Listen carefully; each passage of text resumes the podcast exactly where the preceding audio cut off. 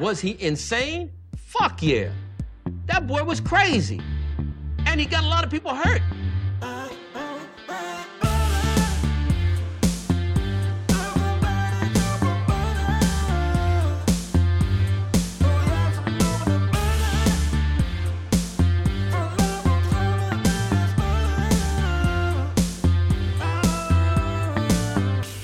He doesn't like butter. I fucking love butter.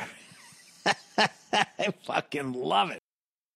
What's up, motherfuckers? Welkom bij een nieuwe aflevering van de Zonde van Je Tijd podcast. Een podcast waarin Badden niet alleen zijn eigen, maar ook vooral uw hele kostbare tijd verdoet met het uitkramen van hele absolute onzin. We zijn er even kijken, hoe lang zijn we er ook niet geweest? Zes dagen zijn we er niet geweest. We zijn net terug van vakantie. Even St. Patrick's Day gevierd in Ierland. Dames en heren, ik raad alles en iedereen aan om ooit St. Patrick's Day gaan vieren in Ierland. Ierland, prachtig land. Wat hebben we eigenlijk de fuck gedaan? We hebben het goed afgesloten trouwens. Motherfuckers waren ons bijna het land niet meer inlaten. En met de motherfuckers was het meer motherfuckers probeerden ons het land niet uit te laten.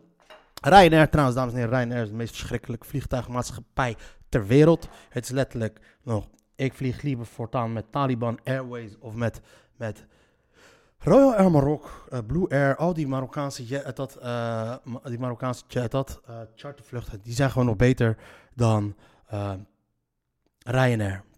Ryanair, of zoals, zoals, eh, zoals, eh, zoals iemand van ons van de, van de week zei, het zijn, het zijn gewoon de slodders van, de van het vliegen. Het is gewoon verschrikkelijk. Motherfuckers, ten eerste wist je, je kan als jij eh, niet incheckt bij Ryanair, als jij niet incheckt bij Ryanair en je doet het bij de balie, dan moet je 55 euro betalen. Ze doen er alles voor om ervoor te zorgen om, extra, om die extra centen te pakken. En wat, wat op een gegeven moment wat ze dan ook doen is, eh, ze maken het je lastig om online in te checken via je mobiel en dat soort dingen. Ze maken het lastiger lastiger. Kijk, je moet zelf ook altijd wel een beetje opletten met die motherfuckers. Maar uiteindelijk, oké, is goed. Gisteren wouden we dus gaan vertrekken vanuit Dublin. En ehm, die vlucht was een klein beetje laat. En ehm het personeel van hun was opgefokt, was zwaar opgefokt. Een vriend van mij die had een veel te grote koffer, ik had een veel te grote, eh, ietsjes veel te veel, eh, iets veel te veel spullen bij. Een andere maat vriend van mij had ook veel te veel spullen bij. Dus terwijl wij werden, drieën werden we apart gehouden, moesten wij dus, ehm, die vriend van mij moest dus zijn, zijn koffer in zo'n, in zo'n bak gaan doen. Moest hij extra betalen. Eerst natuurlijk, je gaat discussiëren, discussiëren, discussiëren, discussiëren. Maar ja, uiteindelijk weet je, ehm, moest er betaald gaan worden. Dus wij zeggen ja, nou, sorry, we hebben geen creditcard. Nou, is goed. En die vliegtuig was al te laat. Eh, we hadden geen creditcard. Nou, is goed. Andere vriend van mij moest daarna ook geen creditcard. En daarna, ik zit, probeer mijn tas klaar te maken om in dat vakje te gaan doen. Zit die een of andere, die een of andere bitch zit continu achter met de zaken. Ik werd helemaal gek van haar. Ik zei, calm the fuck down. En toen werd ze nog wilder en ze zei, you're not getting on this flight. En ik zo meteen. I was talking to my friend. en en ik wil met haar de discussie aangaan op een gegeven moment. Maar gelukkig was er een, vriend van ons, die, die, is altijd de meest wijze van ons allemaal. Zei, maar ga er buiten staan, laat, laat haar afkoelen. Eerst jij afkoelen, laat haar afkoelen. Nu met haar discussiëren gaat niet lukken, want ze hebben nu chaos. Ze, ze zijn al te laat en ze worden al helemaal getikt. Ja, is goed. Ik ging daarnaast staan en ehm, niet zonder dat ik eerst even langs een andere purser naartoe wou gaan. Ik zei, yo, praat even met je collega. Die gaf mij een uitbrander. Toen zei die Mattie van mij, ga nou maar weg. Oké, is goed. Dus wij gaan weg. En ehm, ik mocht dus die vlucht niet op. En terwijl die andere zat nog zat een beetje te fokken met hun koffers. We konden niet betaald worden. Uiteindelijk zeiden ze, weet je wat, het duurde zo lang dat, er dat er niet betaald kon worden. Zeiden ze, weet je wat, ga maar. Toen zei die vriend van mij, ja, ken hij, ken hij, mag hij ook gaan? Zei ze, ga maar, ga maar. Uiteindelijk, wat blijkt nou? Zij hebben helemaal niet het recht om jou uit de vlucht te halen. Helemaal niet als omdat je tegen iemand zegt, joh, calm the fuck down. Vooral niet als je helemaal aan het opfokken bent. Maar wat blijkt nou het gevoel waarom ze zo gestrest zijn? Vliegt, dat vertelde die vriend van mij dus ook, die, zat, die werkt in de vliegtuigwereld. Als je dus in een, ehm, je krijgt een slot om te, om te vertrekken. Als je eh, dat, het voorsorteren, dat, eh, dat, je toch, dat voorrijden wat die vliegtuigen altijd doen. Je krijgt dan altijd een, een om te, voor te parkeren. En hoe langer dat duurt, volgens mij, en wat ze zijn is duizenden euro's aan boete voordat jij, eh, als, het, als, het, als, als het langer duurt, krijg je gewoon als vliegtuigmaatschappij gewoon duizenden euro's aan boetes. En eh, dat merken die mensen daar op de grond. Die worden natuurlijk helemaal opgefokt vanuit het kantoor van, yo, fuck it, eh, schiet op, schiet op, schiet op. En zouden van die zijn, nou ja, die drie keer 70 euro. En die, eh, weet je, dat heeft geen nut om daar op te, te wachten. Want er staan gewoon echt duizenden euro's op ons te wachten. Terwijl er voor ons waren er gewoon een paar mensen die het gewoon letterlijk moeten aftikken. en dat was wel lachen. Motherfuckers lieten me gewoon er bijna niet in. Maar uiteindelijk, het is echt een prachtige stad. We hebben, een, uh, we hebben geklommen. We hebben, we hebben niet alleen gesopen. We zijn naar uh, de Cliffs of Moher geweest. Dat is ook wel fucking gewoon vlaggen. En we, zijn, we hebben een van de fucking berg beklommen. Ik wist niet dat ik dat in me had. Ik heb 2,5 uur hebben we fucking heuvel lopen beklimmen van een halve kilometer. Mijn longen lagen eruit. Mijn schoenen stinken nog steeds. Ik word helemaal gek. De helft hebben we moeten achterlaten onderweg, want die konden het niet meer aan. Maar ik heb het wel gehaald. Terwijl ze aan het begin van de hele fucking rit waren ze mij aan het uitlachen. Motherfuckers. en ik zat halverwege, mijn longen zaten ergens op de grond. En ik zei van, fuck het man, als ik het niet red, ik krijg het te merken. Ook al heeft die andere, hebben het andere niet gered, ik ga het te merken krijgen. Dus ik heb het gewoon doorgezet. En het was het uiteindelijk allemaal niet waard, want je keek gewoon verder uit op de zee die al de hele tijd zag. En uh, we zijn nog naar Galway geweest. Galway, ook een prachtige stad. Daar wat visjes gegeten, wat een proper, a proper fish chips. Oh ja, trouwens, we hebben onze eerste dag, terwijl we hadden drie kamers.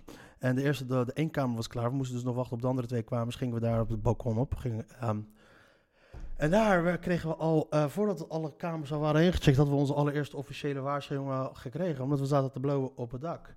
Vanuit het raam. En dat kon ook dus weer niet. Dus voor het wist op een gegeven moment werd er geklopt op het dak. Stop dancing on the fucking roof, lads. You can't do that, lad. En dat, en dat, dat was fucking hilarisch. Ah, fijn, het was hilarisch. Ik heb whisky purely lopen drinken. En ik heb daarna heb ik uh, de vierde dag heb ik letterlijk de hele dag lopen slapen. Uh, we gingen rijden, we gingen een beetje toeren door het land heen. Ik dook de kofferbak in. Ik heb alleen maar lopen slapen. Daarna weer naar huis gaan. Slapen, slapen, slapen, slapen. Ik ben koning in slaap. Ik heb die shit uitgevonden. Nu merk ik ook nu ook. En um, ik moet nu een klein beetje bijkomen. Ik klink nu alsof een of andere, als Annemijn van de Minerva. Maar uh, fijn. Uh, we pakken er gelijk even een beetje kijken wat er is gebeurd in het land. Kijk, ik zie al meteen uh, Ajax Feyenoord. Ik ga daar niet naar kijken. Fucking kut Anthony. Fucking kut. Is wel lekker voor dat je rood hebt gekregen. Ajax wel verscheen, wel verdiend gewonnen, maar als Feyenoord zijn, dan trekken we altijd aan het kortste eind. Want dat is hoe het is, man. Het leed wat Feyenoord supporter zijn heet. Het is geen pretje om een Feyenoord supporter te zijn. Uh, Europees leger stapt dichterbij. Kijk, en dat is iets wat een hoop uh, mensen in Europa een beetje tegen de borst aanstoten. Maar weet je, uh, never let a good crisis go to waste. Om uiteindelijk dan toch een soort van je zin door te dringen, weet je. En dat is dan, we zagen dat met de corona. Er komen nu een paar dingen, worden dan er doorheen gejast. Paar wetten, een paar regels. Ik, kijk, ik ben geen wappie, als in de zin van corona is en dat soort dingen. Maar elke crisis wordt wel altijd een beetje aangehaald om bepaalde dingen door te krijgen, waardoor die norma normaaliter altijd net wat lastiger gaan. En nu, een Europees leger is in dit geval nu ook een van die dingen, aangezien um, we natuurlijk uh, nu uh, Poetin op een gegeven moment zou wat, uh, die oorlog is ook al vier weken bezig nu. En een dikke shout-out naar de Oekraïnse strijders, fuck geven niet op. Maar nu is het zoiets van, joh, hebben die Europeanen ook zoiets van, joh, misschien moeten we, misschien moeten we toch maar iets gaan doen even aan zo'n legertje samen. Europees leger stapt dichterbij. Defensie unit wint draagvlak. Nederland terughoudend. Natuurlijk, want we hebben een best wel eurosceptisch land. Europa, nee, dat valt eigenlijk ook wel mee. Nee, bij ons zijn de eurosceptici zijn heel erg luid. Europa zet maandag een grote stap naar meer militaire samenwerking. Voor sommige landen is het de opmaat naar een Europese leger, maar Nederland is terughoudender. We hebben nog minstens tien jaar nodig om onafhankelijk te worden van de VS. Ja, dat zou ik zeggen, begin nu dan, hè. De ministers van Buitenlandse Zaken en Defensie zijn vandaag in Brussel om hun handtekening te zetten onder het strategisch kompas. Dat EU-document bepaalt op welke manier Europa de komende 5 tot 10 jaar samenwerkt op defensiegebied. Kijk, hier in Nederland, Mark Rutte die gaat nooit natuurlijk direct zeggen, wat er aan de hand is. Die draait er altijd een beetje omheen. Hè? Maar oké, uh, we zijn nog terughoudend, maar uiteindelijk uh, is, zijn ze de eerste die erbij uh, flitsmacht. En dan gaat een stuk verder dan nu het geval is. Zo komt er een flitsmacht met 5000 Europese soldaten die snel kunnen ingrijpen. Die troepen kunnen straks ook noodhulp verlenen en mensen evacueren zoals vorig jaar nodig was in Afghanistan. Toen regelde ieder EU-land nog zelf de evacuatie van landgenoten. Dat moet met zo'n flitsmacht een stuk sneller kunnen. Hiermee leggen we het fundament om de militaire samenwerking in Europa, in Europa verder vorm te geven, zegt D66-minister Kasia Ollongren. Over het strategisch kompas. Maar van een Europees leger of een defensieunit wil Ollongren niet spreken. Natuurlijk niet u merkt het wel wanneer dat het geval is, mensen. Ik, waar, ik niet wil zeggen dat ik voor of tegen ben. Ik, ja, waarom niet eigenlijk? Het zou toch veel efficiënter zijn als al die Europese landen samenwerken. Ik bedoel, als, als er een, iets gebeurt met Duitsland, dan moeten we toch helpen. En, en andersom. Dus nou, dan kun je toch best net zo goed samen doen. Ik weet alleen niet wat het voertuig gaat worden. De nieuwe afspraken zijn een compromis tussen de EU-landen. Frankrijk, Italië en Spanje werken het liefst zo snel mogelijk toe naar een defensie-unie. Die landen hebben al relatief grote legers en een flinke defensie-industrie. Maar de kleine landen, met name in Oost-Europa, zijn huiverig. Zij voelen zich beschermd door de NAVO en dan met name Amerika. Die bescherming willen ze niet inruilen voor een Europese leger. Nederland kiest de middenweg, zegt de Brusselse, zeggen Brusselse bronnen. De NAVO blijft het allerbelangrijkste, maar in Europa moeten de lidstaten sommige, sommige dingen ook zelf kunnen doen. Ingrijpen bij regionale conflicten waarbij de NAVO niet thuisgeeft. Al snel noodhulp verlenen bij rampen of evacuaties. Ja, eh, kijk, luister. Amerika is een, is, gaat, gaat naar een malle. Maar Amerika gaat naar de fucking kloten. En dat is iets waar je, wat we gelukkig wel een beetje door aan het krijgen zijn hier in Europa. Weet je, die verkiezing van Trump is een symptoom. is niet een probleem, maar het is een symptoom van een gefaald eh, politiek, economisch, sociaal systeem daar in dat land. En dat gaat uiteindelijk alleen maar tot nog meer excessen leiden. Want ehm, de verkiezingen komen er binnenkort aan en die republikeinen worden ook alleen maar gekker en gekker en gekker en gekker. En die democraten die, gaan die reageren daarop door corrupter, corrupter, corrupter en corrupter te worden. En dan denken ze dat dat gaat helpen. Niet dus. Dat in Europa wordt gesproken over de oprichting van een flitsmacht en zelfs een Europese leger, verbaast strategisch analist Lotje Boswinkel van het Haagse Centrum voor Strategische Studies. Waarom verwacht ik daar nog een zin achter? Dus verbaasd. Eh, Oké. Maar we, eh, we willen hardlopen, maar we moeten nog leren kruipen, zegt ze. Het probleem is dat de lidstaten de afgelopen 20, 30 jaar amper hebben geïnvesteerd in defensie. De basis is simpelweg niet op orde. Waarom moeten de Europese... Hè, moeten de, moet Europa op een gegeven moment nu een basis krijgen van oorlog voeren of dat soort shit? Is dat iets wat we hier nooit hebben gedaan? Hè, moeten, oh, we, weten, we hebben geen verstand van legers en soldaten en van bezetten en van kolonisaties en van weet ik veel wat. Is dat iets, moeten we nu gaan... Fucking Europeanen die vliegen al eeuwen in deze shit. Wat de fuck heb jij het nou weer over? Volgens Boswinkel leunt de Europese defensie nog veel te veel op Amerika. Dat kan best wel kloppen. We kunnen nu allemaal plannen hebben om in defensie te investeren en ons te wapen tegen Rusland. Maar feit is dat we nog minstens 10 jaar nodig hebben om onafhankelijk te worden van de VS. Ja, wat ja nou, dus wat maakt dat dan uit? In het parlement lijkt het draagvlak voor Europese samenwerking op het gebied van defensie steeds groter te worden. Europese samenwerking moet niet meer alleen over de economie gaan, maar ook over veiligheid, migratie en defensie. Toch is een Europees leger niet aan de orde, vindt de VVD. Natuurlijk vindt hij dat niet. Dan gooi je daar migratie tussen om een beetje, toch nog een klein beetje steun te krijgen van sommige mensen waar je toch een probleem mee gaat hebben. En dat wordt uiteindelijk toch nog wel, gaat dat wel een probleem gaat worden met de opwarming van de aarde. Dat vind ik wel een beetje hilarisch van die rechtse partijen, van de, van de, van de Forum voor Democratie en PVV. Ze geloven niet in de opwarming van de aarde, maar op een gegeven moment als fucking het Midden-Oosten veel te warm wordt om te kunnen leven en al deze mensen te- hier naartoe gaan komen, ja, dan denken ze van, oh ja, wacht even, opwarming van de aarde. Ah, sommige mensen zijn gewoon fucking stupid. Oorlog vertraagt inhalen achterstallig onderwijs. Eh, auto rijdt in op 150 mensen. Dat was gisteren ook al gebeurd. En dat was gisteren gebeurd natuurlijk in België. Een of andere motherfucker rijdt in op zijn auto. Op een carnavalsstoet. Meerdere doden, twee verdachten opgepakt. Geen aanwijzing voor terreur. Met andere woorden, het is geen mausoleum. In het Belgische streepje Bark Bracongy, Bracongy, Stre- streepje is zondagmorgen een auto met twee inzittenden ingereden op een grote groep mensen die zich voorbereiden op een carnavalsdag. Wanneer is fucking carnaval? Is dat nog niet klaar? Zeker zes mensen hebben het niet overleefd. De bestuurders en andere inzittenden zijn opgepakt. Een catastrofe noemt burgemeester Jacques Gobert het drama dat zich zondagochtend rond 5 uur afspeelde. De gemeente viert dit weekend carnaval. Zoals het de gewoonte is op de zondag van carnaval verzamelen de mensen bij de sportzaal om zo in een stoet naar de festiviteiten te vertrekken. De groep bestond uit zo'n 150 tot 200 mensen toen een voertuig met hoge snelheid van achterop hen inruimde. De klap, klap was enorm. Motief is onduidelijk. Zondagmiddag waren zes mensen overleden. Tien anderen raakten zwaar gewond. Nog, een, nog geen 27 personen hebben lichtere verwondingen. Ze zijn overgebracht naar diverse ziekenhuizen in de regio, zegt een hulpverlener tijdens de persconferentie aan het begin van de middag. In de hulppost die is opgericht zijn ook nog 70 mensen opgevangen. Ehm.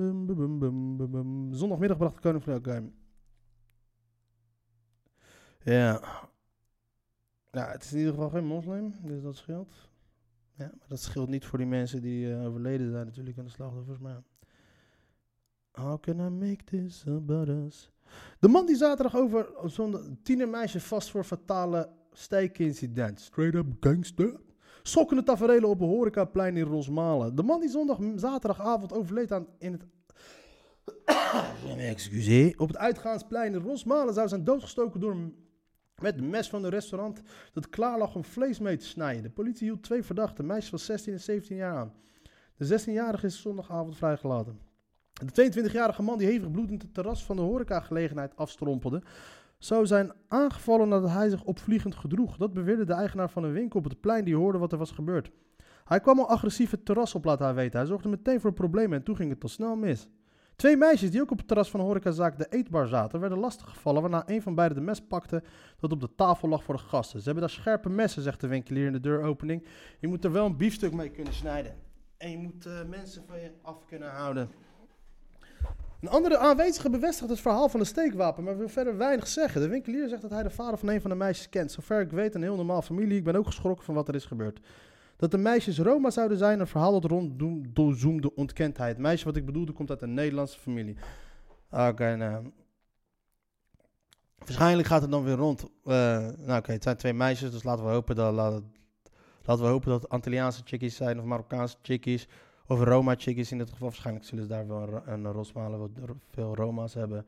Dat zou dan oké zijn. Dus in Nederland neergestoken. Laten we daarop schrijven. Oh, wacht even. Dan is het iemand die meisjes lastig viel en is neergestoken. Nou, dan zal waarschijnlijk hopen ze dan dat, de, dat die man die neergestoken is een, uh, een van die ietsjes. En de Nederlandse meisjes zullen dan de held zijn. Ik weet natuurlijk nog steeds niet wat er is gebeurd. Dus het is vrij, vrij moeilijk om daarover te oordelen en te speculeren. En ik kan dan wel lopen zeggen dat zij lopen te speculeren, terwijl ik zelf ook niks anders aan het doen ben op dit moment. Nadat de man was gestoken, spronkelde, strompelde hij naar horecagelegenheid Barrels. Waar hij door hevig geschrokken personeel werd opgevangen en waar meteen een ambulance werd gebeld. En kort daarna ook een traumahelikopter werd opgeroepen. Even later bezweek hij alsnog de plaats aan zijn verwondingen. De politie trok al snel massaal uit voor onderzoek naar de toedracht van het steekincident. Er werd technisch onderzoek verricht en agenten spraken met getuigen. Ook zondagochtend kwamen meer agenten aan in de eetbar waar ze met aanwezigen spraken. Bij Bottles wil niemand reageren. Op de deur hangt een brief van de zaak wegens omstandigheden. Zondag is gesloten. Nee, op de deur hangt een brief dat de zaak wegens omstandigheden zondag is gesloten. Wat voor ons, wat ons deze avond is overkomen, wil niemand meemaken, meldt het Grand Café al in een verklaring op Facebook. Oh ja joh, nou, ik, uh, ik kies er dan toch voor om niet doodgestoken te zijn. Als ik moest kiezen. De horeca zelf deelt daarbij een zwart plaatje. We gaan tijd nemen om dit te verwerken. Oh, de winkelier stelt dat de ondernemers goed contact hebben. We gaan nog wel op een of andere manier gezamenlijk stilstaan bij wat er is gebeurd. Daar is het nu nog te vroeg voor. Emmer. Bij Bottles kwam in de ochtend een busje van een schoonmaakbedrijf aan, waarbij een man een emmer naar binnen liep om schoon te maken.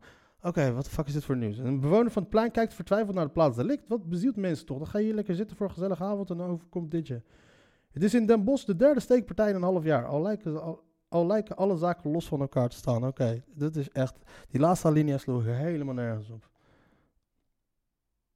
Ondernemers gebukt onder kosten. Ja, ondernemers vinden altijd dat ze gebukt zijn onder kosten. Russen en Wit-Russen in actie voor Mir in Oekraïne. Natuurlijk, er is ook nog een oorlog bezig in de andere kant van de wereld. Oekraïnse tijgers en leeuwen naar landgoed Hoenderdaal gehaald. God damn it, wat ziet deze tijger er gaar uit, arme beest. Tijd om de paling van de ondergang te redden. Jezus, natuurlijk. Laten we kijken naar de echte problemen van de wereld. Jonge palingen worden uitgezet. Alen, niet aaibaar, maar wel bedreigd. 10 miljoen vluchtelingen. Polen vangt merendeel Oekraïners op. Nederland kan 20.000 mensen onderbrengen. Johnson. Oorlog Oekraïne lijkt op de brexit. Oké, ik ben benieuwd wat deze clown nou heeft gezegd. Krankzinnige vergelijking ontlokt woede alom. De Britse premier Johnson heeft de woede van vriend en vijand opgewekt door een laconieke vergelijking te maken tussen voor vrede vechtende Oekraïners en de vrijheidsliefde van Britten die voor het vertrek uit de EU kozen. Oh, Johnson. Voormalige premier, Belgische premier Guy Verhofstadt noemde de opmerking krankzinnig, maar ook in eigen kring vraagt men zich vertwijfeld af waarom Johnson dacht dat deze vergelijking acceptabel is. Kennelijk Johnson kennende is er iets anders aan de hand met Johnson. Waarschijnlijk natuurlijk zal het wel te maken hebben met de politieonderzoek naar zijn dikke vissa's op Downing Street nummer 10. Johnson, Johnson is gewoon daar een koning in, in het, in het uh, deflecten, in het afleiden en dat soort shit. Die hele kapsel van hem is gewoon bedoeld als afleiding, om zodat mensen hem minder serieus nemen en dat soort shit. Maar die gozer is gewiekst. Johnson wilde een toespraak voor het Lentecongres uh, van de conservatieven gebruiken om iets aan het, aan het hernieuwde krediet dat hij de afgelopen week heeft opgebouwd met zijn steun voor de Oekraïne en stevige kritiek op Rusland. Maar met de kritiek op zijn gemakzuchtige taalgebruik wordt er weer alom getwijfeld aan zijn geschiktheid als premier. Johnson meende historische parallellen te zien tussen de vrijheidsstrijd van de Oekraïners en de vrijheidsliefde van de Britten die zich met de Brexit-referendum losweekten van de knellenbanden met de EU. Gavin Barwell, de voormalige rechterhand van Theresa May in Downing Street en nu lid van het Hogerhuis voor de Conservatieven, wraakte de opmerking van Johnson. Behalve het feit dat het de keuze is in een democratische referendum is niets lijkt op je leven wagen in een oorlog en het merkwaardige gegeven dat de Oekraïners juist vechten voor de mogelijkheid om lid te worden van de EU, was de vergelijking prima, aldus Barwell sarcastisch. Ging, anderen gingen verder. Volgens Donald Tusk, de voormalige Poolse president van de Europese Raad, beledigde Johnson met zijn opmerkingen de Oekraïners, de Britten en het gezond verstand. Ik kan met enthousiasme van Trump en Poetin nog herinneren na de uitslag van het referendum, aldus Johnson. Rachel Reeves, woordvoerder financiën van Labour, riep de premier op zijn woorden in te trekken of zijn verontschuldigingen aan te bieden, alsof dat wat uitmaakt. Het was een oproep die werd genegeerd door Johnson, uiteraard. De premier werd enigszins geholpen door minister van Financiën Rishi Sunak. Die draagt de last wel voor hem. Die meldde tijdens het politieke praatprogramma dat de woorden van Johnson waren vertekend. Johnson had alleen maar een vergelijking willen maken tussen de vrijheidsliefde van de Britten en de Oekraïnse bevolking. Ja, daar lag de kern van het probleem. Maar ook Sunak moest toegeven dat de vergelijking tussen Brexit en de oorlog in Oekraïne niet analoog was. Hoe jullie politici zijn leuk. Alexandra mocht niet bij de vrouwen. Interview Mensenrechtencollege biedt uitkomst. Natuurlijk mag jij niet bij de vrouwen, want je ziet eruit als een vent in een jurk. Transgender Alexandra Ernee spande de zaak aan tegen haar sportschool over het gebruik van de kleedkamer voor vrouwen. Aan de andere kant hebben, zullen de mannen ook zoiets hebben, joh, laten lekker daar lopen. Ah ja, Piet Paulus maar overleden, jongen. Arme man. Ooit mooi. Ooit mooi. Is ook fucked up. Kennelijk was hij ziek. Informatielijnen hulp Oekraïne. We zijn nu aangekomen bij de regio-catalogus van de krant. En die is best wel saai. Niks interessants in de krant. Oekraïense kinderen zijn er heel slecht aan toe. Ja, dat weten we. Provincie eist 240 sociale hazen. Dat is niet genoeg. En dan gaan we weer. Max Verstappen lag er gisteren uit. Uh, ik heb niks tegen Max, maar ik heb wat iets tegen die hype. Uh, lekker voor hem. Leclerc blijft herhalen. Leclerc heeft gewonnen. Ik ben voor Leclerc dit seizoen. En uiteraard ben ik ook voor Lewis Hamilton. Omdat heel Nederland nee kwam Lewis Hamilton heeft, ben ik voor Lewis Hamilton. Dat is gewoon een hele simpele manier van, van denken die ik... Dat is gewoon mijn simpele manier van beredeneren. Ik ben gewoon een tegendraadse motherfuckers. Uh, unieke prestatie Oranje. Kennelijk wordt er ook nog uh, gehardloopt. Oh ja. Wat er ook was deze week was dus kennelijk dat um, Barahari kreeg zijn uh, revenge tegen Rozniak. En, en dat gebeurde in een gala in Hasselt. En die hele gala in Hasselt liep naar de malle moer om dat te verschijnen. Want je twee de supporters van Rozniak en van Barahari helemaal kierenwiet zijn. En die kwamen elkaar tegen en toen brak de pleuris uit. Reportage Vechtsportgala loopt volledig uit de hand en eindigt voortijdig deuk in de reputatie van de organisator Glory. Nou, als je Barahari voor je hebt vechten, dan heb je sowieso een deuk in je reputatie. Barahari, ik zat, ik zat, die, ik zat die auto te kijken op, op, ik zat die wedstrijd te kijken op mijn telefoon op de achterbank. En Barahari begon papa, papa, wanneer is wedstrijd met eerste anoniem met 10-9.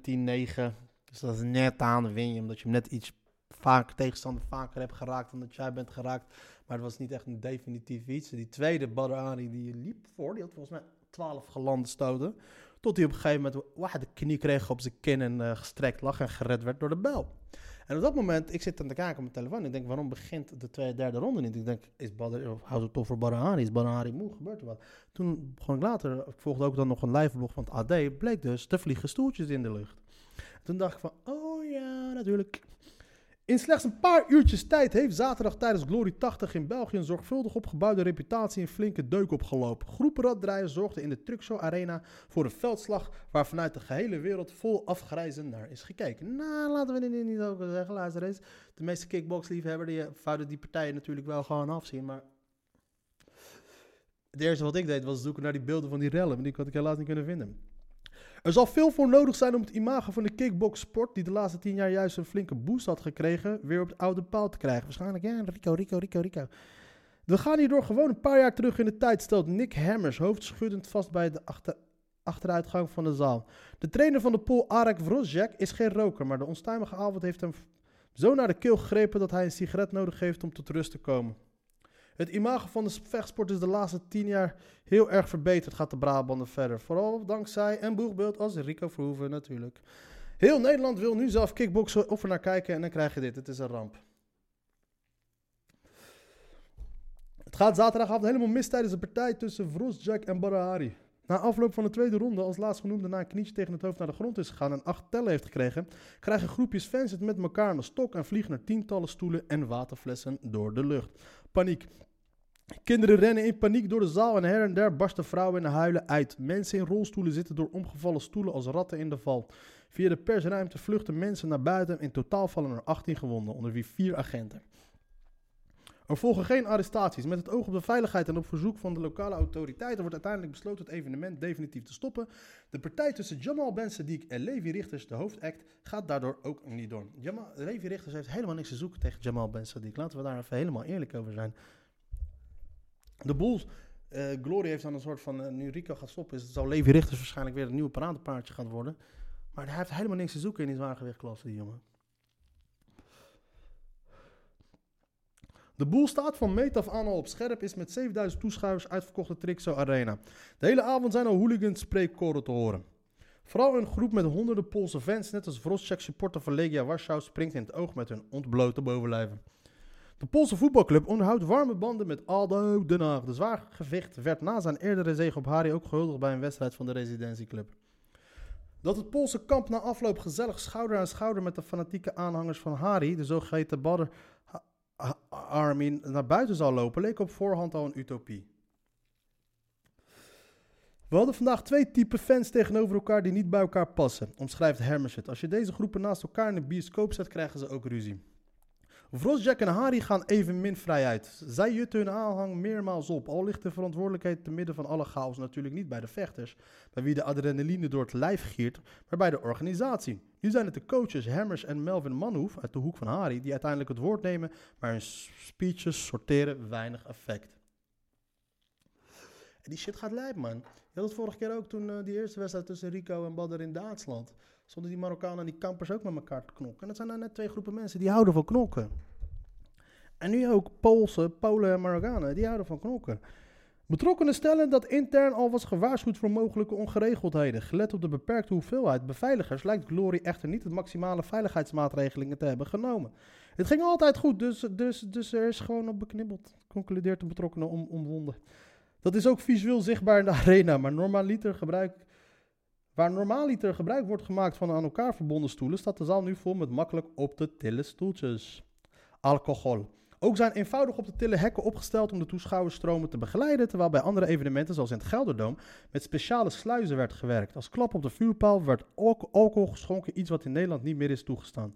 In totaal zijn er naar verluidt ook slechts een minimaal aantal echte beveiligers aan het werk, die bovendien allen verantwoordelijk lijken voor de eerste rij rond de ring. Alleen verantwoordelijk lijken voor de eerste rijen rond de ring waar de FIPS zitten. Yeah, you gotta protect the FIPS. In de rest van de hal, je moet, je moet die dealer, je moet, je, je moet, drugsgeld beveiligen. In de, rest van de, waar de, in de rest van de hal staan stewards van de Trixo Arena opgesteld. Waarvan sommige normaaliter alleen kaartjes hoeven te controleren. De beveiligers was een van de Waarom wordt zo vaak het woord niet gebruikt? De beveiliging was van een amateuristisch niveau, stellen aanwezigen. Glory piekert zich inmiddels suf wat het beter had moeten doen. In de voorbereiding van, het, van en tijdens het evenement werkten we samen met de lokale autoriteiten en namen we alle stappen die nodig waren om de veiligheidsmaatregelen en procedures te waarborgen. Ja, maar het probleem is dat de meeste mensen die naar Hasselt komen, zijn gekomen niks te maken hebben met die lokale autoriteiten. Dus je moet ook ouwe worden met andere autoriteiten. Hoe nu verder? Ik denk dat Glory deze partij nog wel een keer wil organiseren, maar ik ga niet meer naar België. Is Hammers de trainer, is Hammers, de trainer van Vrosjek stellig. Misschien moeten we het zonder publiek doen. Dat is de, dan de enige oplossing. Sowieso moet de beveiliging beter worden geregeld. En misschien moeten we gaan werken met uitvakken, met hekken en netten zoals in het voetbal. Al zouden ze het wel echt treurig zijn als we die kant op moeten. Daarnaast ben ik voor stadion verboden. De railschoppers gewoon een paar jaar niet meer mogen komen. Ja, dat is een... Uh, goede FC. Bij de UFC zie je dit soort shit niet. Ten eerste omdat in Amerika sportrellen heel anders is. En de UFC-fans zijn niet echt fans van een... Ze zijn wel vaak... De UFC-fans bijvoorbeeld, die zijn wel heel vaak fans van het vechten zelf. Dat zie je daarom ook altijd in... Uh, de ontvangst van andere sporters en hoe erop wordt gereageerd op andere vechters en dat soort shit. Die kan je niet met elkaar vergelijken, dit.